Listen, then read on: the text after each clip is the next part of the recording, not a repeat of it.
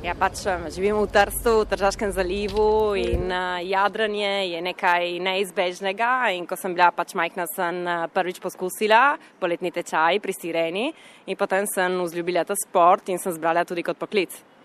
Ja, praktično se je zgodilo isto, samo da sem šel v Sesljanski zaliv, ker je bilo to meni bliže domu. In mislim, da jadranje je zelo lepa izkušnja, ki enkrat, ko poskusiš, se takoj zaljubiš.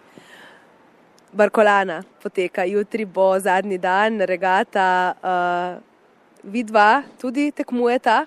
Uh, ja. ja, tudi jaz. Koliko let že tekmujeta, koliko let sta že tukaj, ne vem, sta hodila z nonotom in nono gledati regato? Ja, jaz odkar sem bila majhna, sem hodila na to regato, jaz mislim, da že 15 let, ki jo naredim, ampak vedno tako v super soft vzdušju, s prijatelji in uh, bolj, bolj relaksirano, recimo.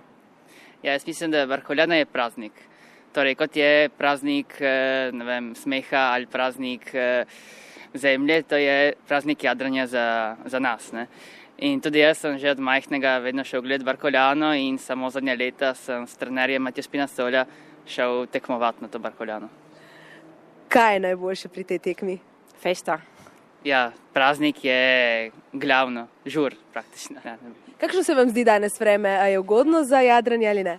A, upajmo, da jutri bo malo boljše. Vse te dni smo imeli super vreme za treninge, ko so hodili ven trenirati ostali in sonce in lepo. Upajmo, da jutri bo malo boljše. Bi moglo biti še precej vetra.